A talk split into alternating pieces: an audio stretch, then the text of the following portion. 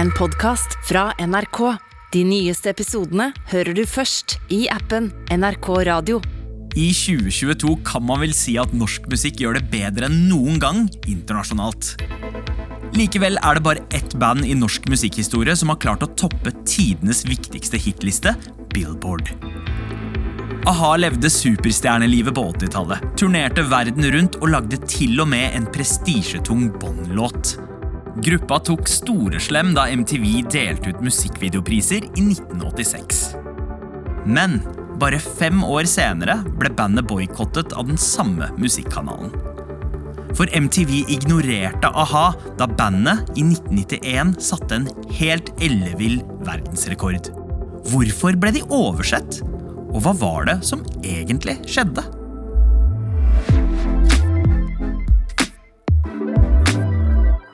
Velkommen til Musikkrommet. Jeg heter Sandeep Singh.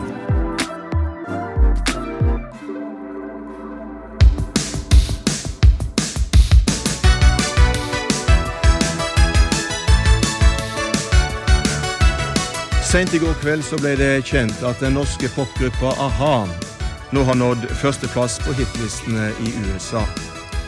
Wow. Dette har ingen i Norge vært i nærheten av noensinne. Thomas Robsam er regissør og har laget serien a-ha, tidenes norske popsuksess, som nå ligger på NRK TV. Nå har de jo et fantastisk momentum, og så er spørsmålet hvordan skal du klare å ivareta det. Det var ikke mange som hadde troen på at Morten, Magne og Paul skulle bli så store popartister, men i dag kan man vel si at a-ha er en bauta i norsk musikkhistorie. De er rett og slett ikoniske, og det mest vellykka norske bandet gjennom tidene. Det kan vi vel si uten å overdrive. Utvilsomt. Så er spørsmålet om det ikke er mye større også i verdenssammenheng. Ja, for omtrent alle har jo et forhold til Take On Me, men bandet er jo også så mye mer enn den hiten. Og Vi skal ikke ta hele historien til a-ha nå, for den kan jo folk se i TV-serien din. Thomas. Men vi må likevel dra tilbake i tid for å skjønne hvordan de ble så store, for så å bli oversett da de faktisk satte flere rekorder, og til og med en verdensrekord. Jeg tror ikke vi var mer enn sånn 15-16 år når vi sto i liksom lokalavisen og sa at liksom vi skal ut og bli internasjonale popstjerner. Men Norge er for lite for oss.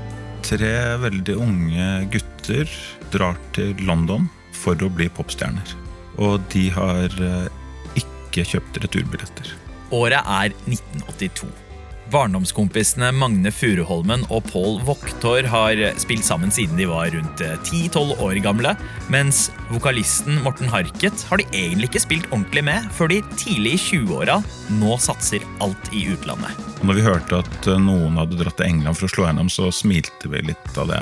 Vi syntes det var liksom naivt å liksom tro at noen ville være interessert i norske band. Mange hadde sagt de skulle slå gjennom, mange hadde dratt og kommet tilbake fort eller ja, prøvd på forskjellig vis. Det skjedde aldri, så når de dro, så var det heller ingen som trodde på det. Ja, altså Dette var jo lenge før vi hadde begynt å eksportere både laks, fotballspillere og ikke minst musikk. Så det at tre norske musikere ville bli internasjonale popstjerner, er litt virkelighetsfjernt. Totalt usannsynlig. På den tida, så hva var norsk rock og pop da? Altså Punken hadde kommet, men bare litt tidligere, bare noen få år tidligere, så var jo norsk musikk stort sett coverversjoner eller visesang. Kjære Kristine, min beste venninne, ikke gråt, ingen skylder på deg. Men a-ha har ikke bare store ambisjoner. De har også sitt eget image, som vel kan sies å være et godt stykke unna norsk visesangstil fra 80-tallet. Morten var jo ganske utrert en periode. Brukte til og med husmaling i håret når det var slutt på hvit uh, hårspray. Liksom. Og han lekte mye med liksom, sin egen image på vår. han gjorde jo makeover på Paul som var ganske dramatisk. Han liksom tok den for seg. Kledde han og kledde på han igjen og sminka han opp. Og britene ser potensialet i de tre unge nordmennene. Og de får både manager, platekontrakt og et enormt budsjett for å komme i gang.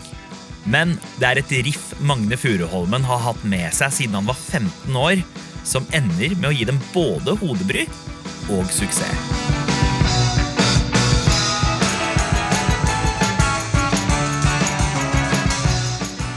Manageren fortalte at liksom Har du en falsett, så får du en hit. Og så visste Pål at eh, Morten hadde en bra falsett, så så han prøvde å lage da, et refreng. Eh, Men han måtte jo liksom, det er jo typisk at man på den ene siden så ønsker man man har denne enorme drømmen om et gjennombrudd. Samtidig så er man sær nok til å både gi ut da en låt som har feil engelsk, og når man får anbefalt liksom å ja, lage et skikkelig refreng som går rett på the money note, liksom, så nei, jeg syns heller vi skal begynne på den lavest tenkelige tonen, og så bygge det opp derfra. Så liksom, de, de gjorde det ikke lettest mulig for seg selv, da. I'll be gone in a day or two. Og høsten 1984 slipper de endelig ut en singel. Ikke den Take On Me-versjonen vi kjenner i dag, men en annen.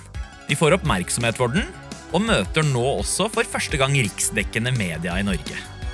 En liten prat skal vi i hvert fall få med de tre gutta Morten Harket, Pål Voktor og Magne Furulund dagen før de skal opptre i TV på Lørdagssirkus for å presentere den nye singelen. Vi er, vi er ganske nervøse. Det er første gang vi opptrer eh, live på et eller annet eh, medium. sånn sett. Altså. Jeg mener, det er bare, ja, det er bare å ha på seg store bukser, så ser du ikke at du skjelver i knærne. Altså.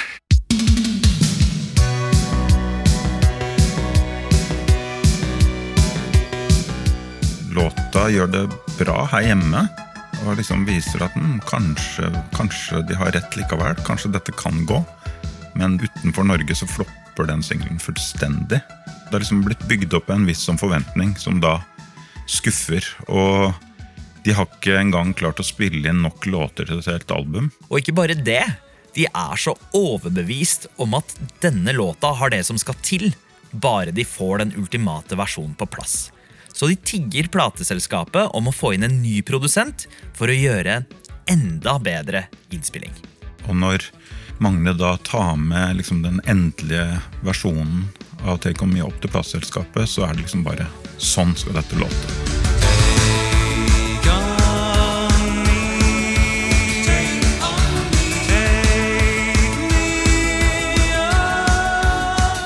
Og med en splitter ny og eksperimentell musikkvideo der Morten Harket er en tegneseriefigur som får et romantisk forhold til en dame i den ekte verden, så håper de å nå mange flere. Den skilte seg ut og ble en video folk hadde lyst til å se. Og dette er jo tross alt musikkvideoens storhetstid. Men det tar jo ikke helt av med en gang. Den kom jo inn ganske lavt på Billboard, Hot 100, og så begynner den å klatre. Den går oppover oppover. De reiser rundt i hele verden og promoterer låta, og havner i LA på et tidspunkt. Og Paul forteller da at han går bortover Venice Beach, og så begynner han å høre låta. liksom Én bil passerer. Og der er den, og så er det noen som har den på eh, en Getto Blaster borti der, og så kommer det enda en bil, og så plutselig skjønner han at alle hører på låta vår. Og nå kan det bare gå én vei, liksom. Og det ender jo med at den går helt til topps. Og dette er første og fortsatt eneste gangen dette har skjedd et norsk band. Dette er så oppsiktsvekkende at en i popkretser her hjemme bare gisper over at singelen Take On Me nå har nådd toppen i det hardeste popmiljøet i verden. Og Like etter slipper de den andre singelen de har spilt inn med den samme produsenten, Alan Tarney, The Sun Always Shines On TV.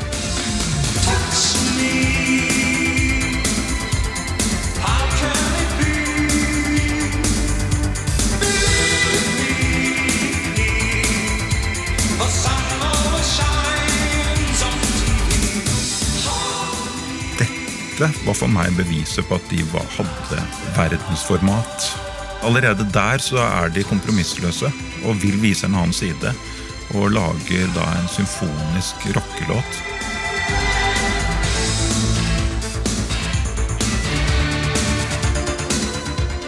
Og for en låt! Men hvor lurt det var å være så kompromissløse, vil tiden etter hvert vise.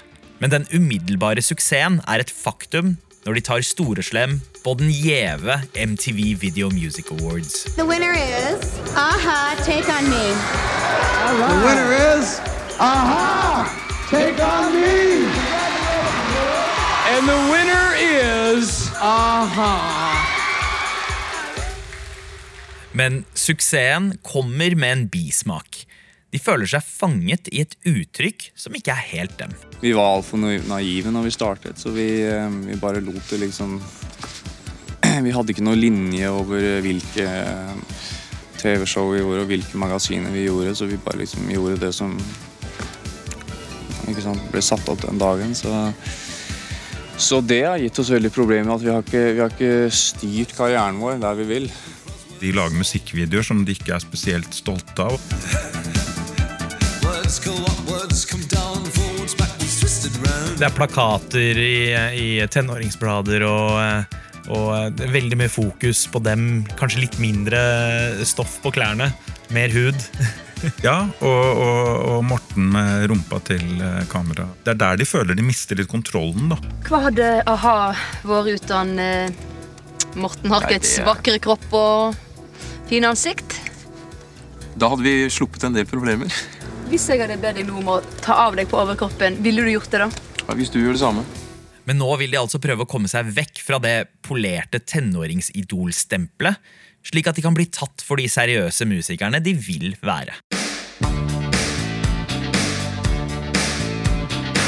Det er jo da de bestemmer seg for å gå i en ny retning.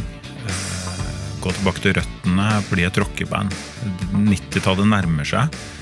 Og de har ikke noe tro på, i hvert fall ikke Pål og Magne, at, at de kan fortsette å være et synthpop-band eh, inn i, inn i 90-tallet. Men de strever med å få både plateselskap og manager med på skiftet. For oss var det et viktig valg å få Manhattan Skyline ut som singel, fordi det viste en ambisiøs side av bandet musikalsk som vi mente ikke var kommet godt nok fram. da. At ikke vi var et sånn tegneserieband.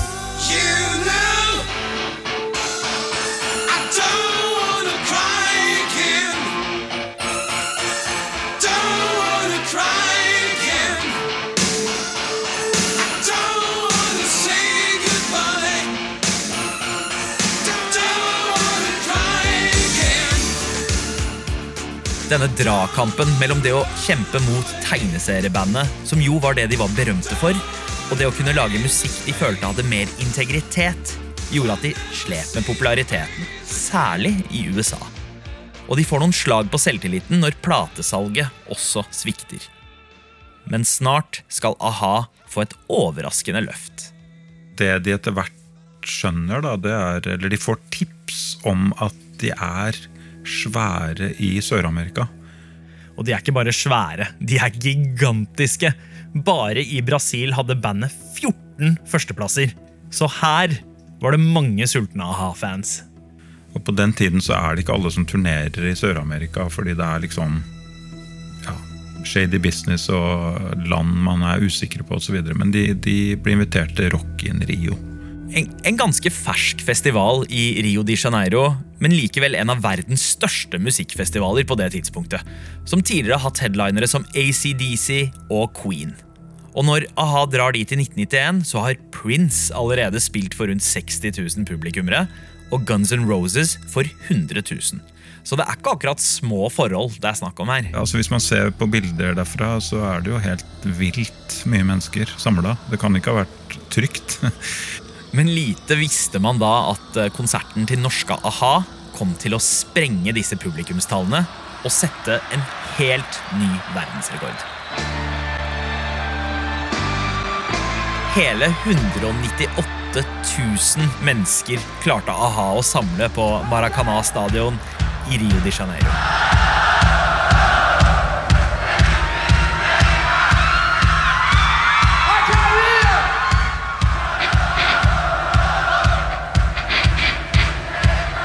Det er flere enn det gigantene Paul McCartney, Tina Turner og Frank Sinatra har klart å trekke til den samme stadion tidligere. Helt ville greier.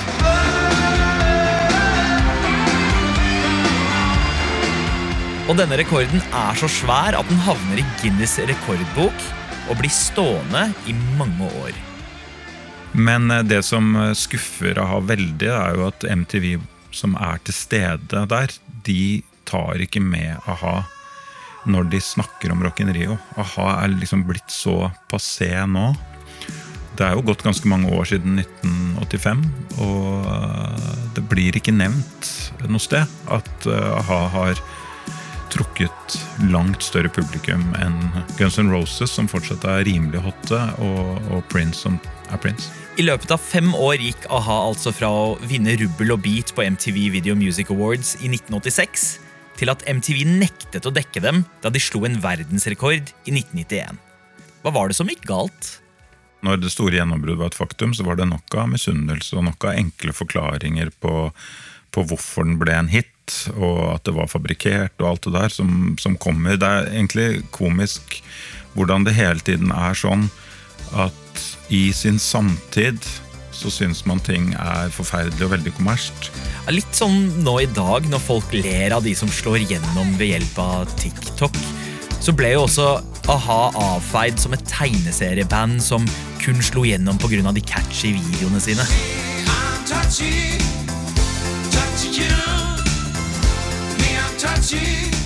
Eh, og så går det noen år, og så har de som var unge når dette kom ut, blitt eldre. Og da er det topp. Og det var, jo, det var noe å ha opplevde. faktisk, ikke sant? Når de gjorde comeback på begynnelsen av 2000-tallet, så var jo plutselig alle fansen blitt musikkjournalister. Så da var plutselig a-ha liksom wow.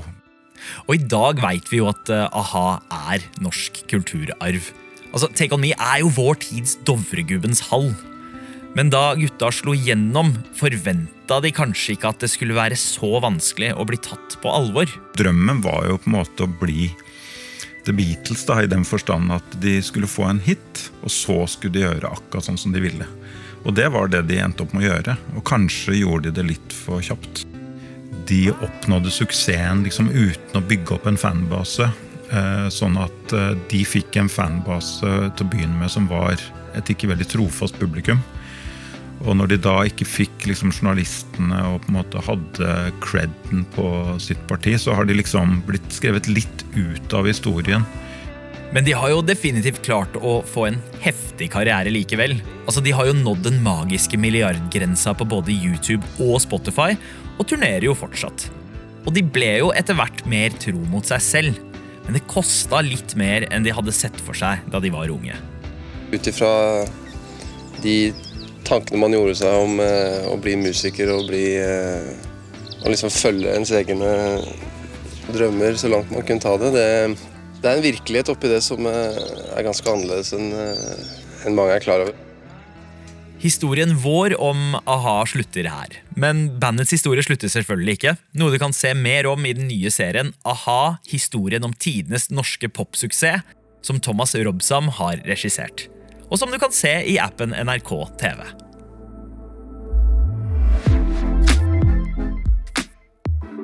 Du har hørt en episode av Musikkrommet. Hvis du likte det du hørte, anbefal oss gjerne til en venn. Denne episoden er laget av Amund Grepperud, Markus Hamletsen, Jean Kristin Sena, Astrid Aspen, Nils Vingerei og meg, Sandeep Singh. Redaksjonssjef er Daniel Ramberg. Du har hørt en podkast fra NRK. De nyeste episodene og alle radiokanalene hører du i appen NRK Radio.